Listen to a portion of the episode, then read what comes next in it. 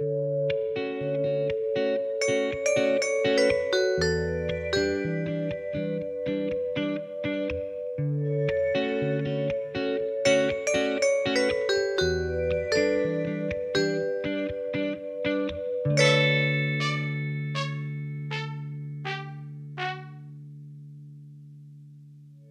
velkommen til Trans-Norge, en podkast om transpersoner lagd av PKI Norge, pasientorganisasjonen for kjønnsinkongruens. Jeg heter Luka Dalen Espeseth. Dagens tema er transsynlighetsdagen, og jeg har med meg min cohost Alexander Sørli. Velkommen. Gratulerer med transsynlighetsdagen, da. Gratulerer. Like før vi kom på nå, så snakket jo du og jeg litt om hvorvidt uh, at vi har blitt spurt om det er liksom passende å gratulere folk på transsynlighetsdagen. Altså, jeg sier ja. Jeg blir veldig glad for å bli gratulert. Det er definitivt en dag med liksom positivt fortegn. Uh, og det er jo uh, Jeg er jo lei av å bli syntes synd på, og alt er bare stusslig med å være trans. Så jeg er veldig pro at vi skal gratuleres, men jeg tenker at det holder ikke å gratulere man bør også følge Kristine Marie sitt eh, eksempel på Twitter. og Hun skrev nettopp den internasjonale dagen gi en transvenn en øl, et glass juice eller noe annet hyggelig dagen, også kjent som transsynlighetsdagen. Um, så jeg bare Helt enig. Jeg har hengt opp transflagget mitt, det har ikke du, Aleksander? Det, det jeg vet er veldig skammelig, men jeg er, ikke, jeg er faktisk ikke sikker på om jeg engang har et transflagg hjemme. Too bad. Jeg har også på meg denne T-skjorta. I love my trans boyfriend. Uh, til alle der ute. Altså, me and my trans boyfriend har gjort det slutt, men uh, selv om jeg mista kjæresten, så beholder jeg T-skjorta for å si det sånn. så, så uh, rollen da, som my trans boyfriend is up for grabs. Så til alle liksom, transmenn der ute som har lyst til å bli kjæresten min, jeg allerede har T-skjorta. Liksom, det er bare å si fra. Og det er faktisk ja, det her må jeg faktisk bare reklamere for, for i morgen så er det en sånn event på Blitz her i Oslo, som er en sånn innsamling til eh, um, Innsamling til inntekt for noen folk sin kjønnsbekreftende behandling. Og på den eventen så blir en date med meg solgt på auksjon. Så hvis det sitter en transmann der ute også som er gira på å bli kjæresten min, og som tenker herregud, jeg skal dra på date med Luka, stikk på Blitz i morgen. Kjøp den daten, liksom. Jeg har store, great plans. Så det blir kjemperomantisk og dritbra. Så, så, hvis det er noen transfober her, da, så har dere nå fått bekreftet at vi driver med trafficking og menneskehandel. Det er en del av translobbyen. Nå fikk jeg hjerte fra eksen på Messenger. Mm.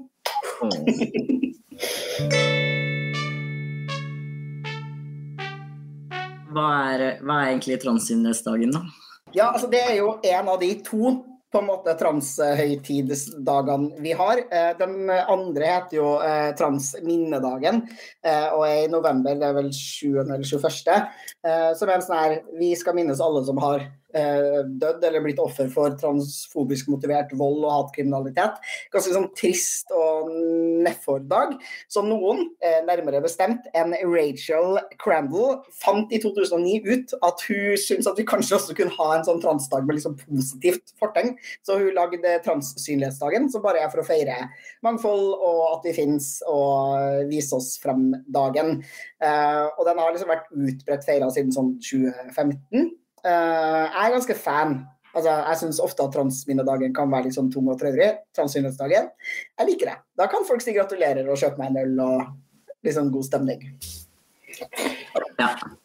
Jeg, jeg, liker det også i utgangspunktet, men eh, ak akkurat i det siste så er det nesten sånn at jeg liksom har følt at uh, det har vært måte, så mye ting om transfolk overalt at jeg liksom ønsker meg egentlig en litt sånn transusynlighetsdagen.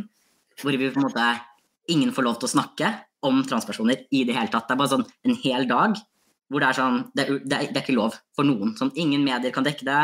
Får ikke lov. Sosiale medier. Hvis du prøver å skrive om liksom, transfolk, du får ikke lov.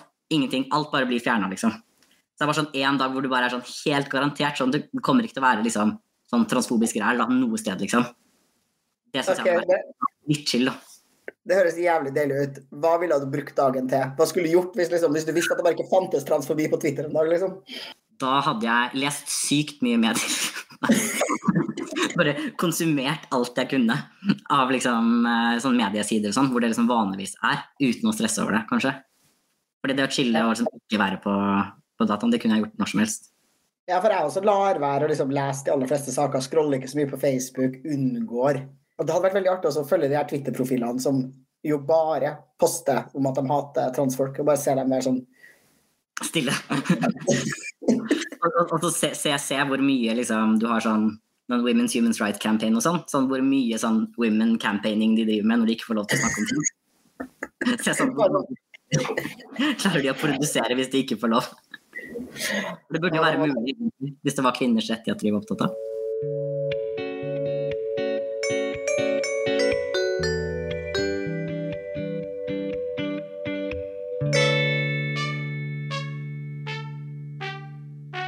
Det kommer til flere, det er veldig veldig hyggelig.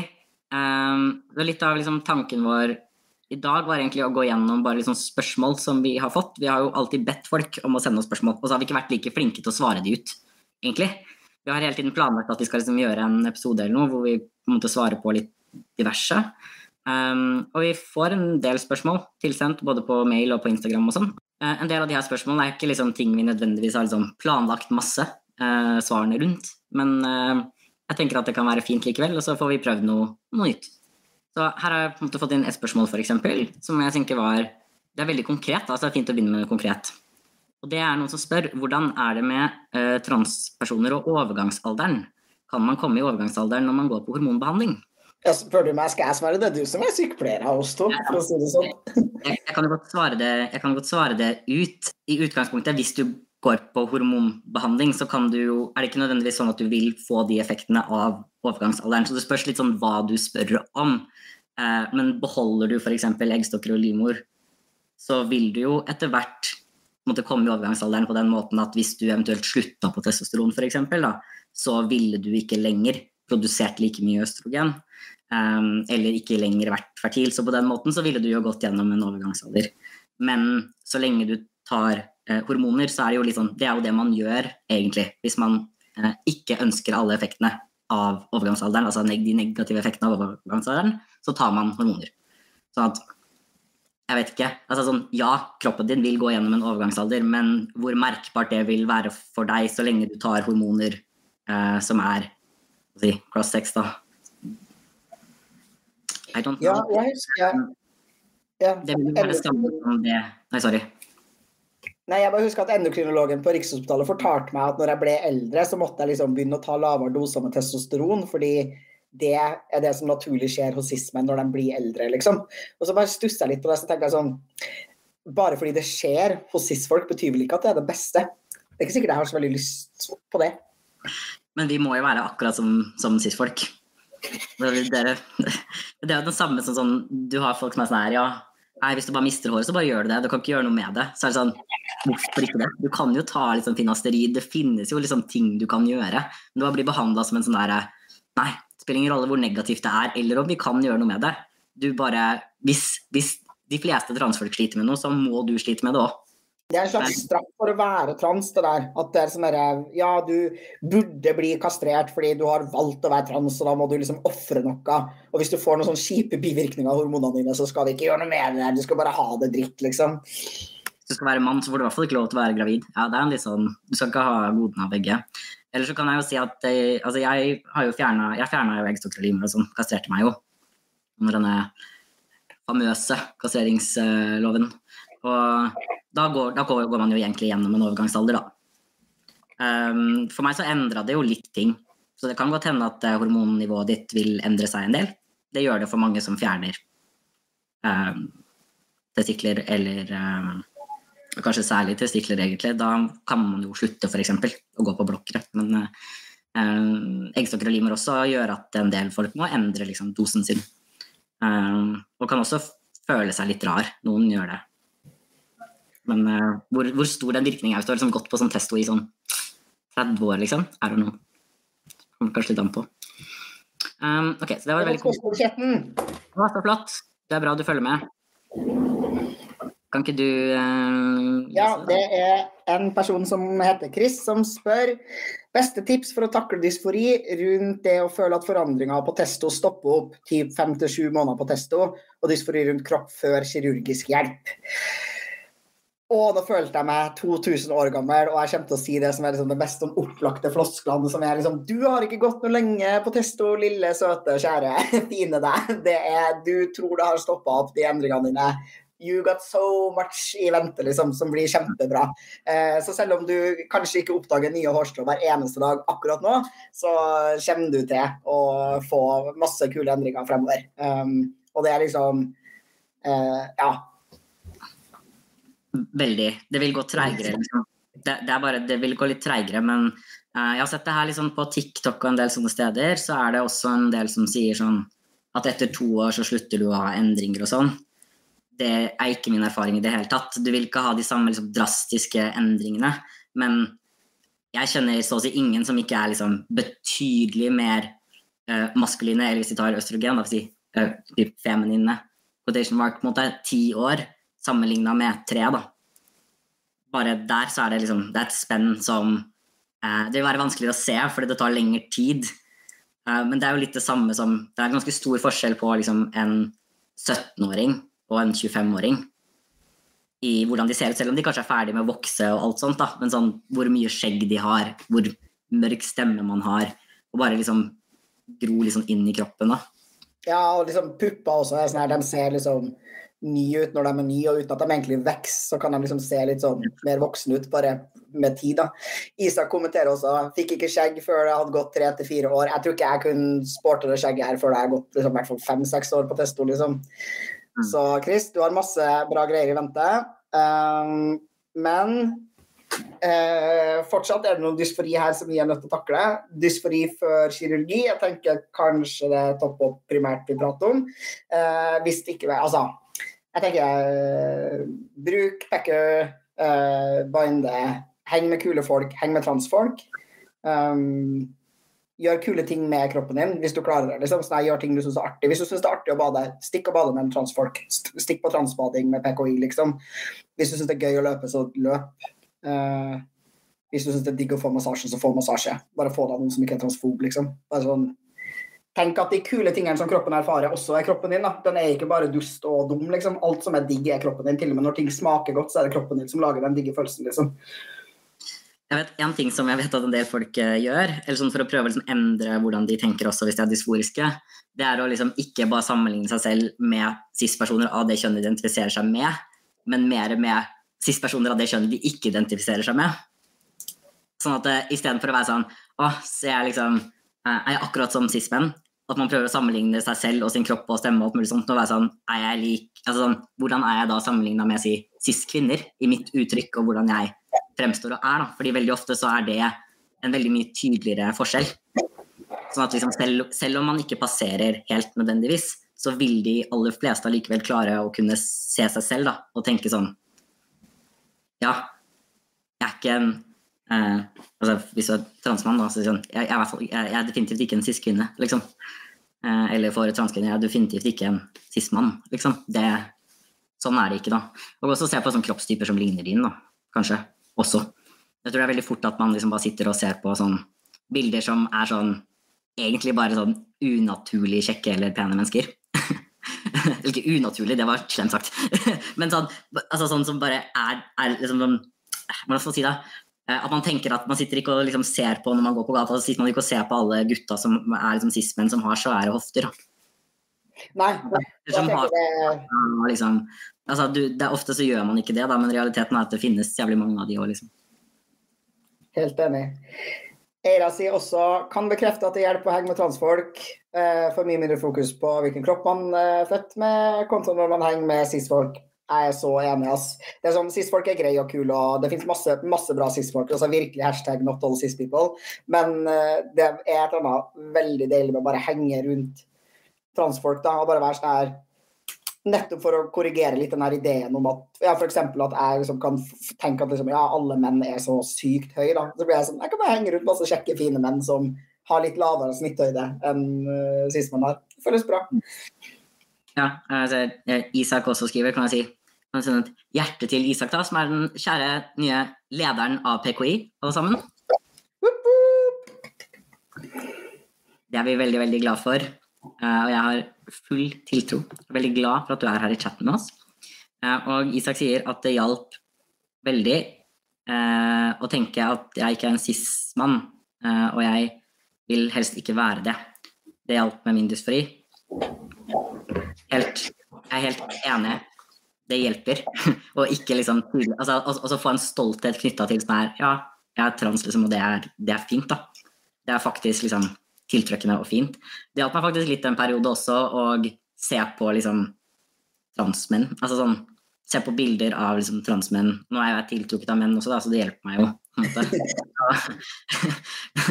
og, og, så på en måte se på kjekke transmenn. Men sånn, det bare så ga meg en sånn følelse av sånn Ja, det her er, det her er ikke noe dårligere, på en måte.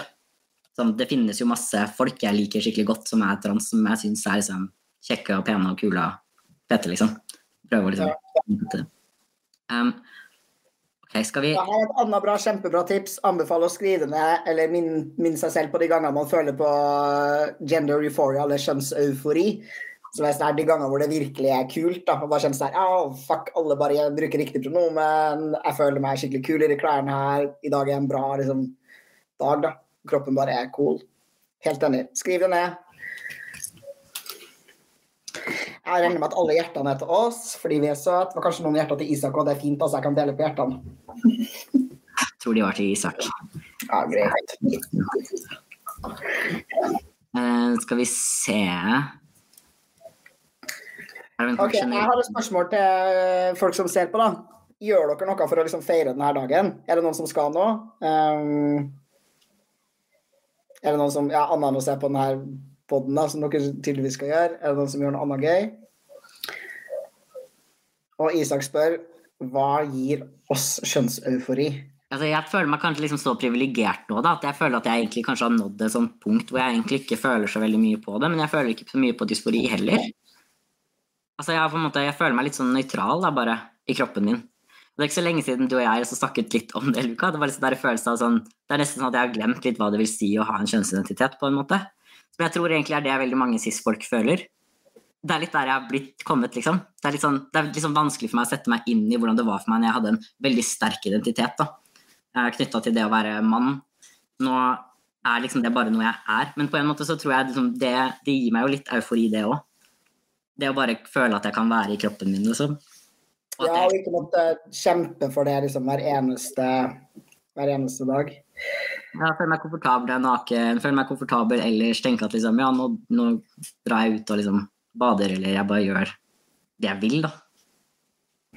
Og så, Det betyr ikke at jeg ikke alltid stresser, altså at jeg ikke stresser, for det, det, gjør jeg jo noen ganger. Særlig hvis jeg skal liksom, bruke en dusj eller et eller annet. liksom. Hvor jeg ikke har åpent, selvfølgelig. Det kan jo hende jeg føler på det, men, men den skammen er litt hvert fall liksom borte, da. Likevel. Det, sånn, det, det stresset jeg føler på da, er sånn noen, altså, Er det noen som kommer til å være kjipe, eller altså, være rasshøl med meg, men jeg føler meg sånn, jeg føler meg ikke en sånn genuin skamfull som jeg tror jeg faktisk gjorde litt før. Mm. Det gjør også at liksom, den følelsen av sånn tydelig sånn eufori er kanskje også ikke sånn veldig tilstedeværende lenger. Nei, men jeg har jo hatt veldig mange fine øyeblikk før. Jeg husker jo liksom, det var jo dager eh, hvor jeg var litt tidligere i transisjonen min, fortsatt har kommet liksom såpass langt at jeg stort sett passerte og sånn, men jeg fortsatt var sånn her jeg møtte nye folk, og så bare eh, tenkte de at jeg var en cis-fyr, og så kunne jeg velge selv om jeg skulle si at jeg var en transfyr eller ikke, og folk bare bruker riktig pronomen av seg selv, og bare liksom står på en sånn her Å, herregud, jeg har skjegg i dag òg, liksom. Det bare detter ikke av. Det er kommet for å bli, og det blir bare mer av det. Altså, sånne ting gjorde meg jo helt sjukt lykkelig før. Um, og nå er det litt bare sånn, ja. En ting jeg faktisk kommer på, er sånn uh jeg, jeg syns det er veldig hyggelig når jeg liksom er ute, er på byen, er på liksom stedet hvor hooker opp eller whatever, og at det har blitt veldig sånn chill, liksom, å disclose. Altså det å si altså sånn At jeg flørter med noen, så kliner jeg litt, så er det sånn Bare sier jeg sånn Ja, by the way, jeg er trans, liksom.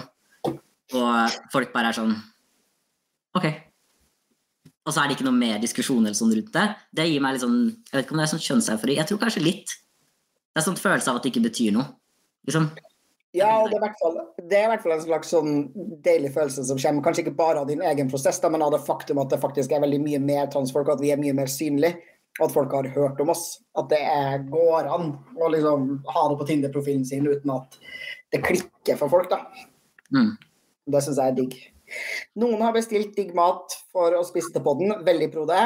Teller det å spise is for å feire? Ja, det teller selvfølgelig. Is er uh, det beste.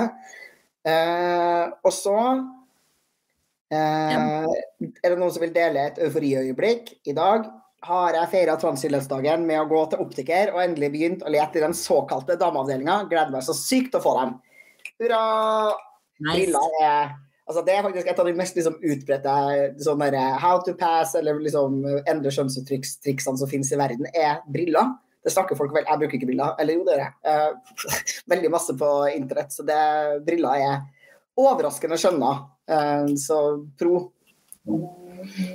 Spennende. Og så uh, Jeg driver og, og, ser på spørsmål. Jeg skjønner ikke, jeg skjønner ikke innboksen vår i, på Instagram, men jeg kan være på mailen. Så, eh, nå har vi jo snakket masse om også dette, altså kanskje vi ikke snakke masse om det, men det er noen som har følgende spørsmål, og det er hvorfor er Rikshospitalet det eneste sykehuset som kan gi kjøttbekreftende behandling i Norge uten å måtte gå privat? Det korte svaret, det korte svaret er egentlig at de er ikke det eneste stedet som kan gjøre det. Men i praksis så blir de det, da, fordi de veldig aktivt sanksjonerer alle andre aktører som gjør det. Det er egentlig liksom det aller korte svaret på det. Og jeg skjønner, det, jeg skjønner for så vidt hvorfor vi får det spørsmålet mye òg, fordi det er forvirrende. Det er forvirrende fordi du ofte vil bli fortalt begge deler. At det er et monopol, og at det er de eneste som kan gi behandling, men på den andre siden at fastleger og private behandlere også kan gi behandling. Uh, og det er jo ikke egentlig ting som samsvarer, men det gjør det, da. Fordi det man har i Norge, er egentlig et system som har en annen praksis, kan man si, enn det som teoretisk sett er mulig. Men hvis f.eks. private behandlere faktisk, eh, og fastleger, da, veldig aktivt hadde tatt det standpunktet der, skrevet ut behandling, lært seg det, stått imot, så tror jeg helt reelt man kunne fått i gang et godt system. Uavhengig av det systemiske, da. Men de fleste har ikke noe insentiv for å måte, risikere det. Og blir du meldt inn til Fylkesmannen osv., så, så er det utrolig ubehagelig for de fleste. Ja, og det som er, der er jeg litt sånn sur faktisk på liksom, de SIS-folkene som er helsearbeidere som har gitt en del helsehjelp til transfolk, er at jeg syns at de veldig fort backer ut med en gang de får litt motstand. Jeg skjønner at du blir jævlig stressa når du blir meldt til Helsetilsynet, eh, men eh, alle vet jo at de her tilsynssakene har jo aldri liksom faktisk medført at noen har mista lisensen sin eller ikke fått lov til å praktisere medisin lenger. Da. Uh, og jeg tenker også at Hvis de hadde gått sammen flere folk og bare sørga for, sånn som Helsestasjonen for skjønn og seksualitet og Espen Estro som de gjør, de har en god prosedyre, de skriver gode journaler, uh, ja, uh, så, så, blir det Da funker det, liksom. Ja, det gjør det. Um, ja, definitivt. Ja. Men ja, det, er praksis. Altså de, det er, og det er Rikshospitalet som melder dem, det er ikke pasientene som gjør det.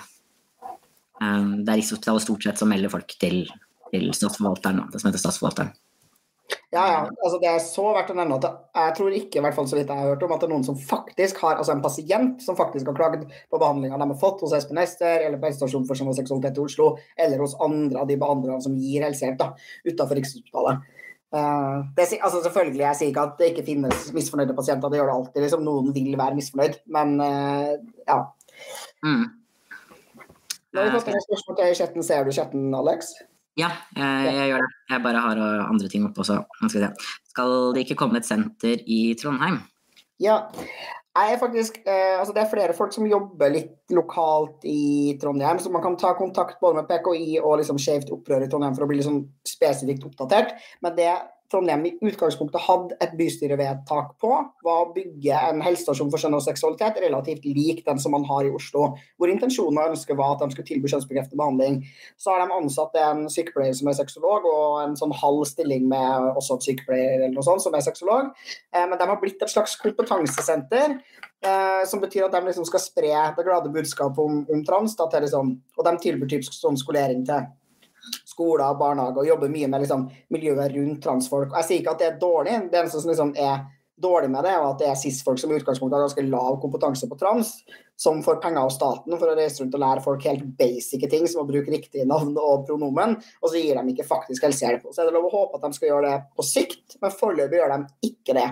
Og de kan kanskje være behjelpelige i, liksom, i en prosess ovenfor Rikshospitalet og være liksom, noen som um, jobber for dine interesser og behov.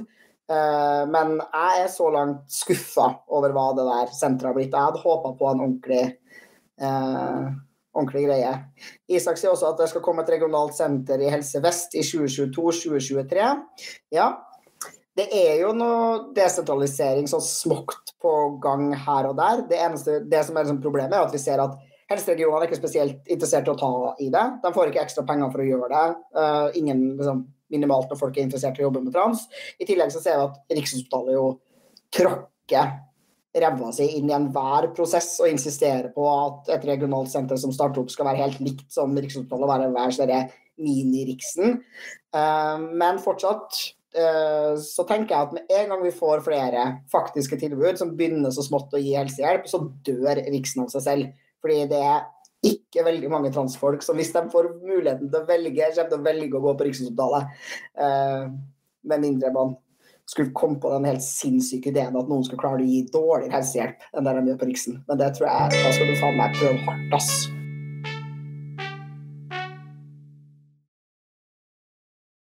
Og resten av liksom, spørsmålene her er jo egentlig relatert. da. Det er eh, liksom, Hvorfor har de lov til å behandle pasientene sine på den måten de gjør? Eh, de har ikke det, egentlig. Det spørs litt hva du refererer til, da, selvfølgelig. Men det er veldig masse av de som de ikke har lov til å gjøre. Det er en sånn grunnleggende ting. Eh, det er sånn, det er sånn spennende ting som jeg syns skjer en del. Ikke bare i, på transfeltet, men på en del andre felt jeg jobber med også. Eh, du og jeg, Luka, jobber jo med personer som selger sex, egentlig, i vår ikke-PKI-stilling. og der også så er det veldig mye sånn at folk, folk blir veldig sjokkerte og får en sånn Men det er jo ikke lov. Eh, og så må man på en måte si sånn Nei, eh, det er helt riktig, men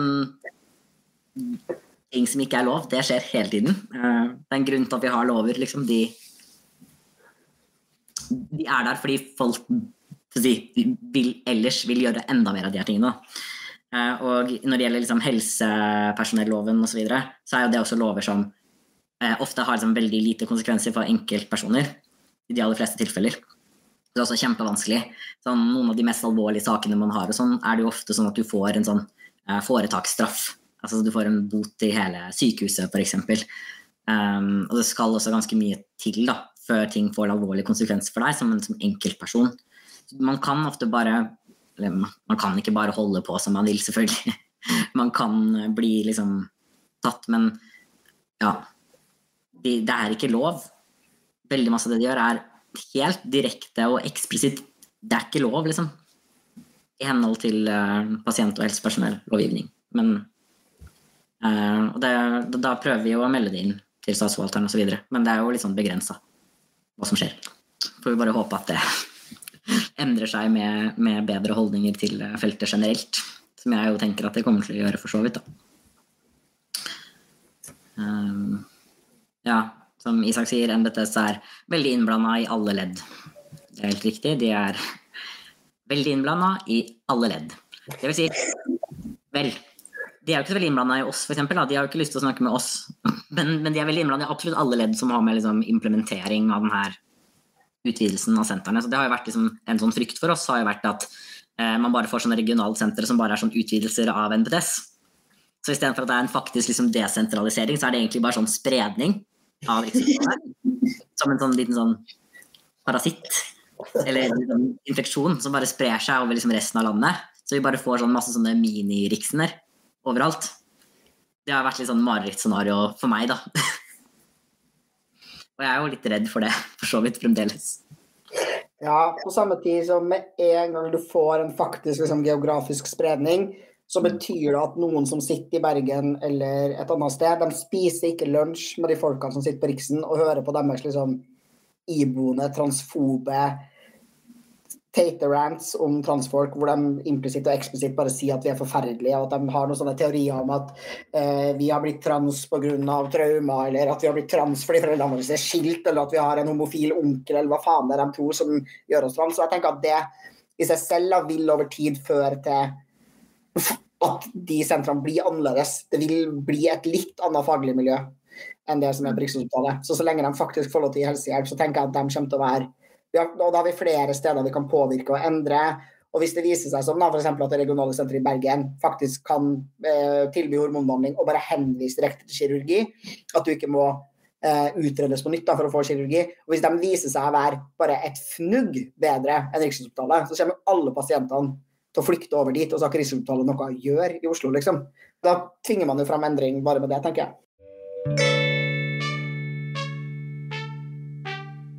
Nå hopper vi liksom fra tema til tema. Det er fordi spørsmålene vi får, de, har, eh, de varierer oss. Får masse forskjellig.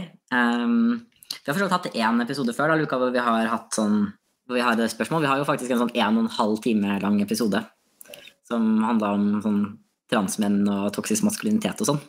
Ja. Det kom jeg på nå. Det er bra, forresten. Det er Det er et godt spørsmål. Um, ja, jeg veit ikke. Altså, vi har fått sånne spørsmål sånn som liksom, hvordan kan man støtte noen som er trans og sånn, da.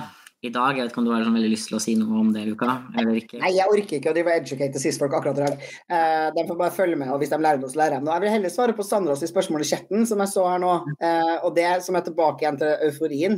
Men jeg syns det var et bra spørsmål. Er kjønnseufori kun en, lett, altså en sånn lettahetsfølelse som springer ut fra dysfori, eller fordi man har opplevd dysfori? Det syns jeg faktisk var et litt interessant spørsmål. Uh, min umiddelbare tanke er liksom som min umiddelbare tanke ofte er, både ja og nei. Altså, jeg tror veldig mye av dysforien vi Eller mye av euforien vi føler, vil være liksom sånn her Å, nå slipper jeg å ha skjegg, det hadde jeg før det var helt jævlig. Da blir jeg skikkelig glad for at jeg ikke har det. Eller før hadde jeg sånn her stemme, nå har jeg sånn her stemme. Det blir jeg skikkelig glad. Men jeg tror også at cis-folk opplever ganske mye sånn skjønna glede. Det ser ut som liksom de liker det skikkelig godt og kan føle seg veldig sånn kjønnsbekrefta. Og cis-folk er jo unektelig veldig opptatt av å bli kjønnsbekrefta. Det klikker jo for dem hvis vi ikke kjønnsbekrefter dem hver tredje sekund. Hvis noen skulle finne på å si f.eks. person med livmor istedenfor å si kvinne, da blir de helt sånn Ikke ta kjønnsidentiteten min! Dere må kalle meg kvinne hele tida, ellers så klikker det for meg. Um, men jeg tror, uh, jeg tror nok kanskje at liksom all den tid man har opplevd, Hvis man har opplevd dysfori, da, og den har gått over, eller man har opplevd mye motstand til identiteten sin, så tror jeg jo potensialet for kjønnseufori er større, og at det da kanskje kan springe litt ut fra det. Så ja og nei. Hva tenker du, Alex? Um, jeg tenker det er et veldig godt spørsmål. Litt av det jeg svarte i stad, kan jo nesten tyde litt på det at det er sånn for meg, da. Jeg klarte jo ikke helt å svare på hva som ga meg liksom, kjønnseufori. Og for meg så var det litt knytta til at jeg ikke har så mye dysfori lenger. Um, men um, tja, jeg vet ikke helt. Eh, og så syns jeg alltid det er spennende også selvfølgelig å, å, å, å snakke litt om hvorvidt liksom, er det bare transfolk som har kjønnsdysfori. Det er også et spennende spørsmål. Jeg tror jo at mange altså, jeg tenker at For bare språkets enkelhets skyld så bør vi si at det bare er transfolk som har kjønnsdysfori. på en måte. Sånn, det bare gjør det lettere for oss å prate om det fenomenet da, som liksom, um, den særegne situasjonen som transfolk er i, som unektelig er en veldig mye um, vanskeligere situasjon ofte enn den cis-folk uansett står i, selv om de sliter med liksom, å ikke føle seg bekrefta eller whatnot. Uh, ta cis-kvinner, da, for eksempel, som får skjeggvekst, kan føle seg ganske dysforisk over det. Og jeg tenker også at det å for eksempel, ja, ta brystforstørring for veldig mange cis-kvinner er en form for kjønnsbekreftende behandling. på en måte. Det er jo en måte å bekrefte og føle seg mer kvinnelig. Det var noe jeg la veldig merke til når jeg liksom jobbet i, i hjemmesykepleien osv. var at veldig mange av folk som var mye eldre, knytta veldig mye av sånn endringer i kroppen sin når de ble eldre og sånn, til liksom et sånn tap av kvinnelighet. Så det var ganske mange av de som var liksom opptatt av hvis du hadde fjernet et bryst, f.eks., kunne si liksom jeg er ikke en hel kvinne lenger. Eller til og med liksom skjemmes over at det skulle være fælt at jeg som mann på en måte så dem nå, nå som de på en måte ikke lenger var ordentlige kvinner. Veldig sånn, de har masse følelser da, rundt liksom sin kvinnelighet og tapene og sånn. Jeg tenker at Det skillet der er liksom ikke helt sånn nødvendigvis åpenbart heller. Uh, og den andre delen av meg selvfølgelig går jo nå inn i hodet mitt inn i sånn en veldig filosofisk debatt da, inni meg, som er liksom bare sånn Hva er liksom nytelse, og hva er lidelse? Og liksom Er, er, er nytelse bare et fravær av lidelse? Mm. Det er et veldig spennende spørsmål, da, uh, men veldig sånn metafysisk ble det plutselig til meg. Ja, jeg vet ikke om det er noe fasitsvar på det. Men jeg tror ikke det bare er Det er deilig når man kjenner, altså når man kjenner kontrasten som stor. Uh, enten fordi altså når, når type, en vond følelse har vært nærere da, i tid, liksom, så tenker jeg at uh, følelsen hadde blitt mer intens, i hvert fall. Murmel Smare, gi de penger. Jeg antar at det er svar på hva du skal gjøre for å støtte transfolk på kort og lang sikt. Altså agreed. Så hvis det sitter noen cis-folk i chatten, vips er Murmel, liksom. Det er dagens oppgave. Eh, og så har Isak spurt om, ble spurt om toxic masculinity i dag, om jeg visste om toxic femininity, om jeg trodde det var en ting. Eh, har dere noen tanker om det? Jeg, er også enig, jeg er helt enig, for så vidt. da. Jeg tror også det definitivt finnes. Uh, og jeg tror jo den Altså, man skal snakke om, om det, da. En sånn, I hvert fall en sånn giftig femininitet, liksom. Helt klart. Uh, og jeg tenker jo også at det er veldig veldig tydelig. Jeg tror veldig mange av disse på en måte, transfobene som er ute i media osv., har jo det. Har jo en veldig sånn intens form for sånn giftig femininitet. Og jeg syns det er påfallende. Det er ganske mange personer, syns jeg, som er ganske ordentlig transfobe, som også er veldig feminine. Altså av cis-kvinner. Altså det, det, fremstilles veldig ofte som om de som er imot det, primært er veldig butche lesber osv. Det er ikke min opplevelse egentlig i det hele tatt. Min opplevelse er at det er en ganske stor overrepresentasjon av kvinner som er ganske feminine, og som har masse av sin identitet knytta til å være mødre, til å liksom føde barn, og har veldig masse tanker om dette som veldig sånn iboende kvinnelige i sin biologi og sin liksom rolle som sånn Ja, egentlig sånn føder, da. Altså sånn at, at, de, at blir, de liksom putter veldig masse identitet inn i det her. Um, og at de derfor også blir liksom ekstremt eh, trua. Altså at de opplever liksom femininiteten sin ekstremt trua hvis det kommer noen inn og sier Nei, men hva om, hva om noen som er en transkvinne kan være en mor, f.eks., så er det bare en sånn total liksom ekstrem trussel da, for hele deres liksom identitet og liv og alt mulig. Og det er litt sånn som jeg tenker på toksisk maskulinitet også. Jeg tenker at det er Det blir giftig fordi de føler seg trua, da. Mm. Altså det er på en måte det som er Ja, det er det er ofte det funker jo veldig dårlig, men ofte så disser man jo litt sånne uh, giftige maskuline menn uh, sin maskulinitet, nettopp fordi det er så opplagt at de er utrygge og usikre i den. Jeg tror kanskje ikke nødvendigvis at det er det mest produktive, men jeg orker heller ikke å gå rundt og liksom passe på den veldig sårbare maskuliniteten og være sånn Nå må vi være snille med det her liksom maskulinitetsfølelsen til de her sismennene, fordi ellers så blir de aggressive og begynner å slå oss alle. Det orker jeg heller ikke, liksom. Men jeg tenker at det oppleves litt likt. Ja, en sånn opplevelse av å måtte gå og bekrefte hele tiden. Ja. At vi ikke skal bli utagerende kjipe, liksom. Ja. Mm. At, det liksom der, vi må, ja, at vi er nødt til å liksom, si kvinner hele tida og liksom, holde på sånne ting. Men jeg tenker også altså, jeg, jeg, får jo lyst til å bare Jeg er jo veldig for at vi skal knuse patriarkatet. Og at jeg tenker at hel, altså, alt det her hører hjemme i et eller annet sånn kjønnshierarki. da, Hvor kvinner også inngår og har mer og mindre privilegier i noen situasjoner, og avhengig av hvilken type kvinne du er. Um, og at de tingene her spiller sammen da, på litt sånn intrikate måter.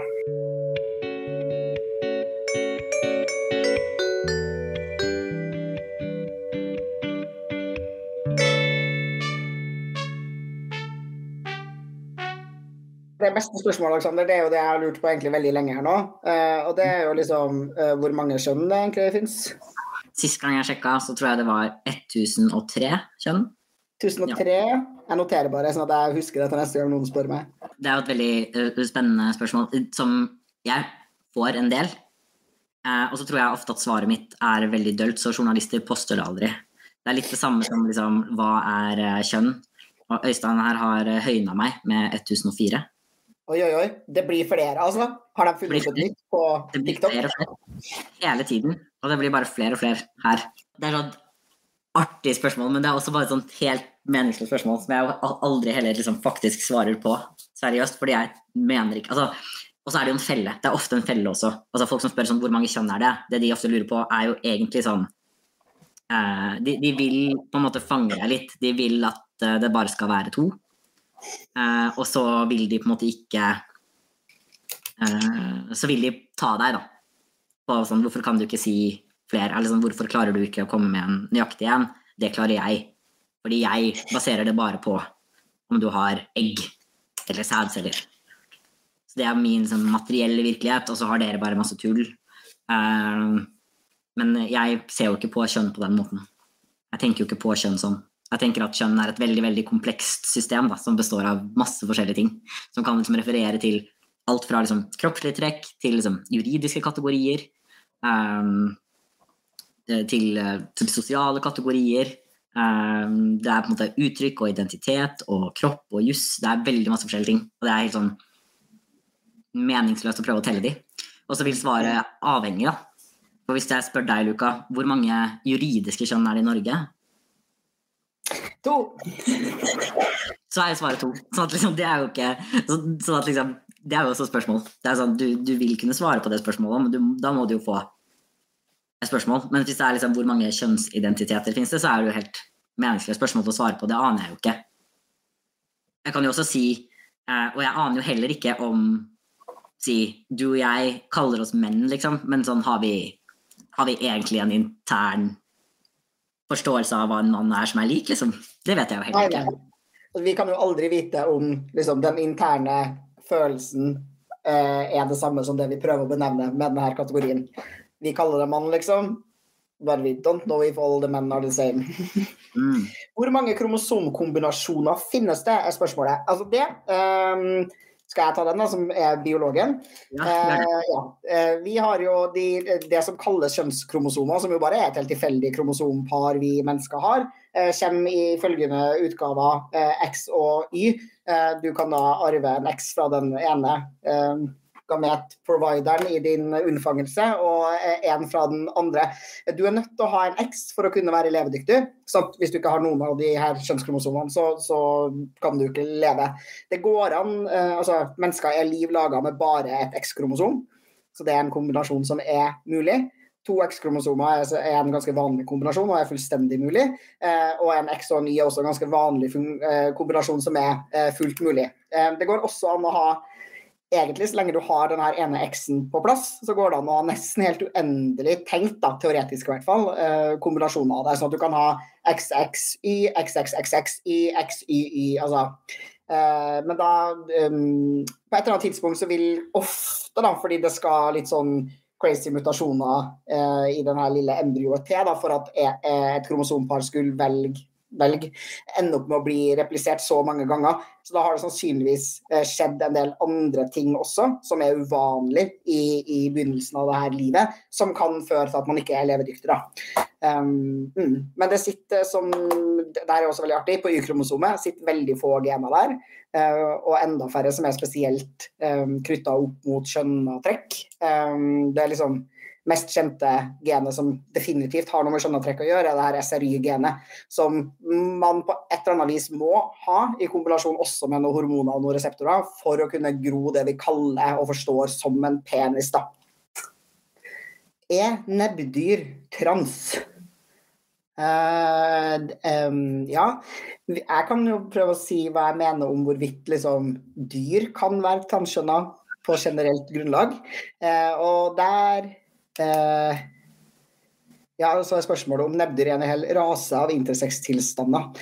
Um, ja, ja, OK. Uh, jeg mener i utgangspunktet at, man, at, det ikke er meningsfullt å skulle forstå dyr verken egentlig som homoseksuell, faktisk, uh, og heller ikke som transkjønna på noe vis. jeg tenker at de kan ha både atferd Eh, og seksualitet, som jo også er ofte en atferd, spesielt hos dyr, eh, som er noe annet enn det vi forventer ut ifra vår allerede cis og heteronormative forståelse av hva de såkalte hann- og hunnkjønnsdyrene skal holde på med. Hvorvidt det er et uttrykk for liksom homoseksualitet eller trans, det tenker jeg at man egentlig ikke kan si på en sånn eh, egentlig meningsbærende måte, fordi eh, det er, altså det er, en sosial konstruksjon, og det er bare vi som kan sosialt konstruere ting. Og det inkluderer også måten vi forstår biologi på, da. Um, men ja. Men det finnes selvfølgelig masse dyr som man i utgangspunktet tenker på som liksom hanndyr, som uh, gjør ting som man forbinder med hunndyrene til den arten, f.eks. Men det jeg Jeg føler at, at vi har liksom gått glipp av her. Jeg vil bare si at jeg og Luka er i sjelen vår da, veldig sånn gamle mennesker. Så hvis det er sånn memes og sånn, så aner ikke vi noe om det. Vi tar alt seriøst. Så det er vårt svar. Eller så kan jeg si at jeg mener at alle nebbdyr er trans. Det har jeg bestemt nå, for jeg syns de er søte. Nebbdyr er helt utrolig søte. Uh, og de er jo litt artige fordi de liksom legger egg og herjer rundt og er pattedyr-ish. Men uh, ja, det kan at det refereres til en meme vi ikke har fått med oss, Alexander. Det er jo flaut i så fall. hvordan var det å være med på Folkeopplysningen-programmet? Ja, skal vi snakke om det, Luka? Ja, det kan vi godt snakke om. ja.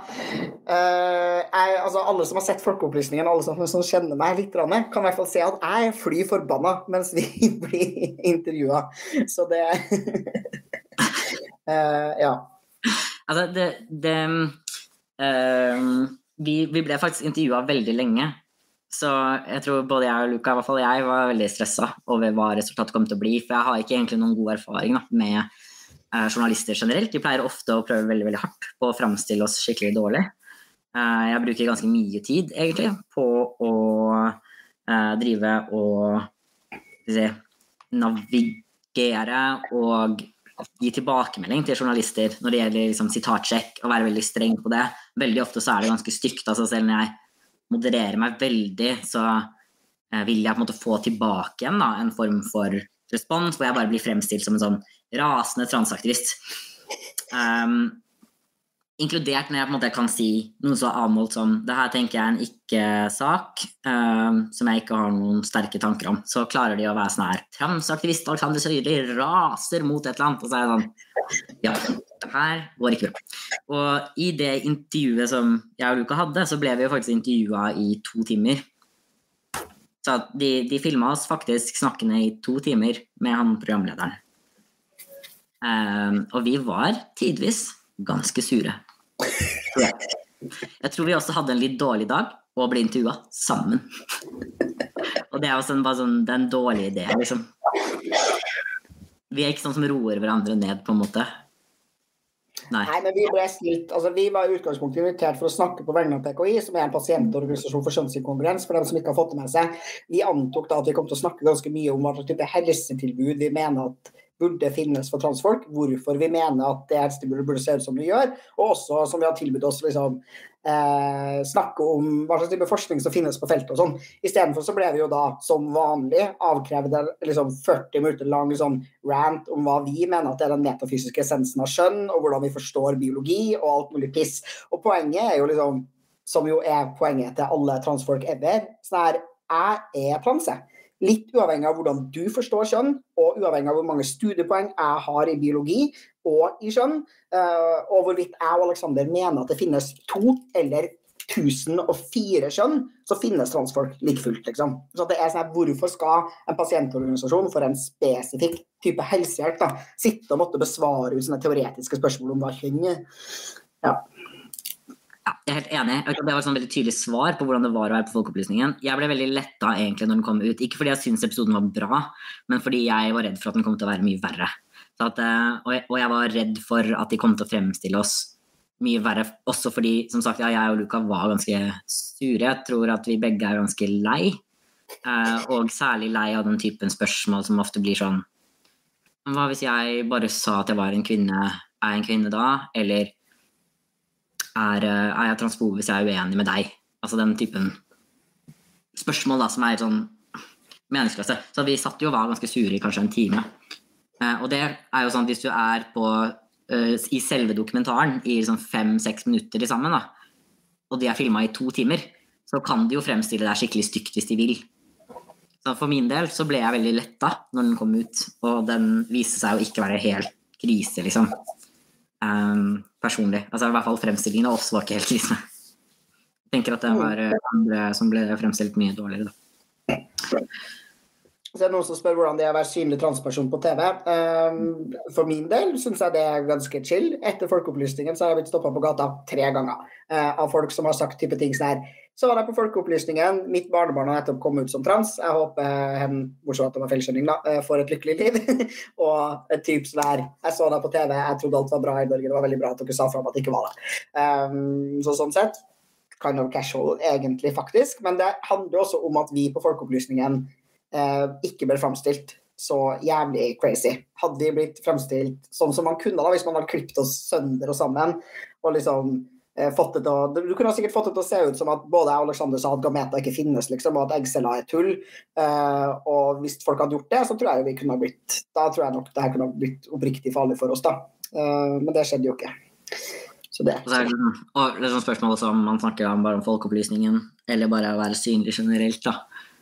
Eh, men ja. Altså, det, er, det, er, det er litt det, er, um, det, gjør kanskje primært at liksom alt blir trans, da. Det er kanskje det jeg syns er liksom slitsomst.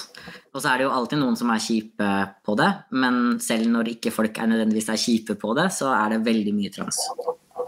Så det er veldig sånn å belage seg på da, at det er det folk snakker om. Så du drar du på en fest, drar du på en hjemmefest, så er det alltid noen som kjenner deg igjen, eller noe, og de kjenner deg igjen fra en sånn transkontekst, og så er det et sånn spennende tema. Sånn at liksom, du blir veldig fort sånn at det folk har lyst til å snakke med deg om på liksom, vors eller på nach, eller altså alt det, alltid veldig ofte da, blir det, selv om du egentlig bare har lyst til å chille og liksom, gjøre noe annet. Uh, altså, ikke for det, jeg kan snakke om jeg synes det er kjempeinteressant, men det er veldig sjelden at en gjennomsnittlig cis-person har noe å si om skjønn som jeg syns er veldig spennende, eller som representerer mitt syn på det. Men Jeg tenker sånn Å, har du tenkt den tanken der, du, da? Som er sånn her altså, Hvis det ikke fantes kjønnsroller eller noen normer for kjønn, liksom, ville det fintes transfolk da? Jeg bare, Herregud, der kan du gå og tenke over i et hjørne alene, så orker jeg ikke snakke med deg. Nå er jeg og Luka litt lei, så kanskje ikke det beste svaret på det. En annen ting som er slitsom selvfølgelig med det, er jo uh, at man får at, at, at, man blir veldig sånn kjernen av konspirasjonsteorien til masse transfober.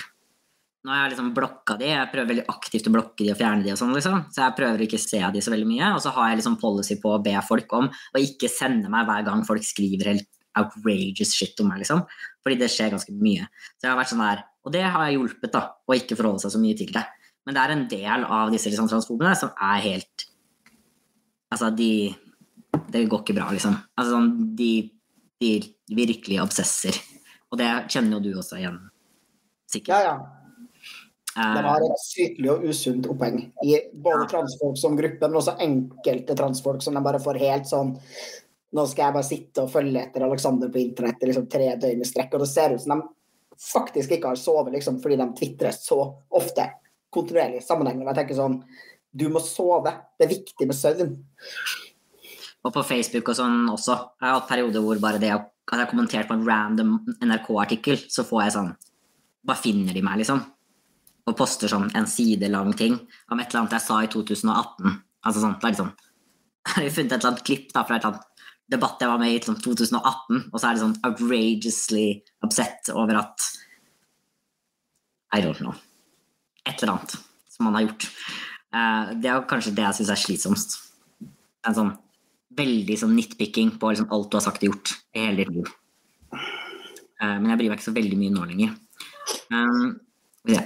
Kanskje vi begynner å liksom nærme oss litt slutten her. Jeg kan si, Det er noen som har spurt om sånn, vet du hvor mange intersex-folk det finnes i Norge.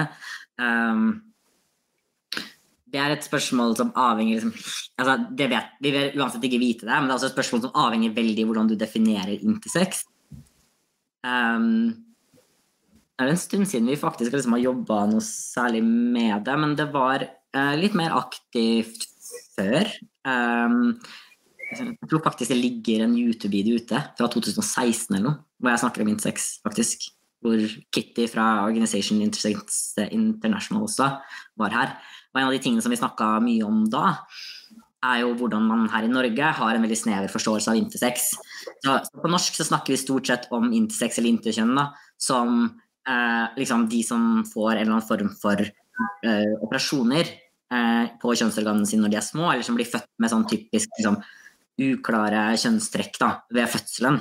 Mens liksom internasjonalt så er det eh, ganske uvanlig. Sånn internasjonalt så bruker man stort sett en veldig mye rausere definisjon av intersex.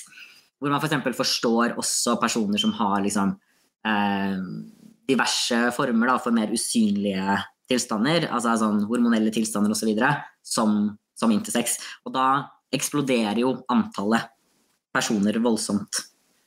Um, det var sånn noe som jeg la veldig merke til når vi uh, Vi, sier jeg. Det er kanskje ikke noe vi, da. Uh, men uh, når jeg var i Skeiv Ungdom, så samarbeida vi og hadde noen leirer og sånn til felles med intersex-organisasjoner. Um, som var på en måte til felles. Og det var helt sånn slående for meg hvor uh, annerledes de forsto intersex. Og hvor mange flere de inkluderte i det begrepet. Og hvordan det bidro også til at de hadde en bevegelse og en identitet knytta til det på en helt annen måte. da. Fordi i Norge så er det, det er så få at det er veldig vanskelig å ha en bevegelse eller identitet, eller i det hele tatt få tak i folk da, som identifiserer seg som intersex. Mens Um, I veldig mange andre land så har man klart å mobilisere rundt det på en helt annen måte, fordi man har inkludert veldig mye flere folk. Så basically intersex er også en sånn sosialt konstruert ting litt. Det er jo egentlig bare tilstander som, man, som er medfødt eh, på en eller annen måte. Det kan inkludere at de trenger ikke å vise seg før i puberteten, men som er medfødt, og som har, man har en, måte, signifikant annerledeshet knytta til hva man forventer i forhold til sånne trekk. da, Kroppslige trekk. Så hva som ligger der, er jo også helt sånn litt arbitrært, på en måte. Mm. Jeg tror kanskje vi skal ta med oss liksom Intersex og tenke at vi skal ha, lage en episode om det. Vi, fordi det, som sagt, altså, Vi jobba en del med Intersex uh, i ja, sånn typ rundt 2016. Uh, mm. Så forsvant det litt ut av den norske liksom, skjevbevegelsen. Um, ja. De første, liksom, noen av de første transleirene var jo også veldig eksplisitt for trans og intersex. Uh, det er egentlig litt sånn spennende. Det ble litt sånn ting, men det gjør vi jo på poden ellers også, så det er kanskje greit. Men ja, det var, det var, mye mer av det før.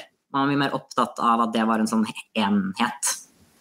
Uh, hvor man liksom hadde en sånn trans og intersex. Det var derfor man kalte det liksom kjønnsmangfoldsleiren eller noe, tror jeg. Man inkluderte intersex-personer mye mer aktivt i, i, den kategorien før, da. Uh, og snakka mye mer om det. Jeg ser også nå i, USA at man ser liksom sterkere, i hvert fall tendenser til sterkere solidaritet mellom transbevegelsen og intersex-bevegelsen. Også til dels pga. at, eh, ikke overraskende, så har TERFSA begynt å angripe intersex-folk også på en del sånn eh, uheldige måter, hvor de jo bare basically er litt sånn ja, ræva. er det vi som kommer til å ha podden fremover, eh, eller er det noen andre i PKI som tar over? Vi har fått lov til å fortsette å drifte podden, selv om vi ikke lenger er leder og nestleder i PKI. Så eh, enn så lenge så er det oss dere kommer til å se mest på podkasten. Men uh, det er jo uh, åpent for andre folk, skulle jeg si. altså, det er ikke til alle. Men uh, det kan nok hende at det kommer noen flere folk fra PKI etter hvert. Det tror jeg nok. Jeg håper dere ikke er lei av oss.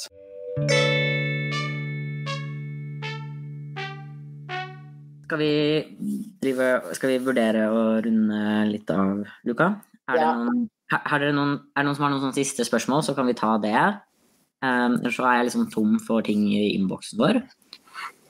Um, så jeg er veldig happy for at det her funka. Vi har litt lyst til å prøve å få til å liksom faktisk spille inn sånn Vanligvis så sitter vi jo sammen i det fancy podkaststudio inne på Luka. Oi, nå får vi en liten tour her, til og med. Der. Nydelig. Som er hjemme hos Luka, da. Uh, og det er uh, det er veldig, veldig fint. Og da, jo, da, får vi jo litt bedre lyd og sånn også. Så kanskje vi kan klare å få til det også i framtiden. At vi på en måte sitter i samme rom og filmer, og at vi på en måte får den sånn bra lyden, da. Um, altså bra folk sier at de ikke er lei av oss, og at de likte det her. Så er det noen som spør om det blir pod under pride i år også. Jeg hadde faktisk tenkt at jeg kanskje skulle sende mail til en par av uh, pridene rundt omkring og høre om de har mulighet til å ha oss på livepod. Um, så kanskje det, kanskje det skjer. Vi kan vel uansett få til en sånn her type livepod. Uh, men ja, for dere som ikke vet det, så hadde vi en Vi hadde jo en livepod på Bamsescenen på Pride. Ja, det er noen som har sett den, ja. Som nå sier 'How to ligge part 2'. enkelt oppsummert så var det det som var bamsescenen på den. Var eh, egentlig det. Ja. Det var et litt sånn egoistisk innlegg, egentlig. Som var sånn vårt forsøk på å bare prøve å lære liksom alle som var der på pride det året, hvordan de på en måte respektfullt kan liksom ligge med transfolk. Eh, som var litt sånn self-serving for oss også, for å slippe å få så mye dumme spørsmål når vi var på sjekkeren. Eh, dessverre så ble det ikke liksom, tatt opp, så vi fikk aldri liksom, delt den videre. Men ja, det hadde vært gøy å, å få, til, uh, få, til, et eller annet. Uh, litt sånn lett og artig, artig, tema. Men så hyggelig. Positive kommentarer. Hjerte, hjerte, vi elsker dere. Sjup, sjup, sjup. Alle må Transsynlighetsdag videre. Kos dere. Ut og få gratis øl av cis-folk, fordi det har dere fortjent. Eller brus. Enjoy. Guilt trip alle. Hvis folk i livet deres i dag til å kjøpe ting dere har lyst på. Do it.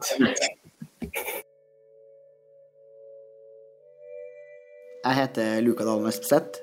Takk til Mina Emilie, som har klippa denne episoden av podkasten.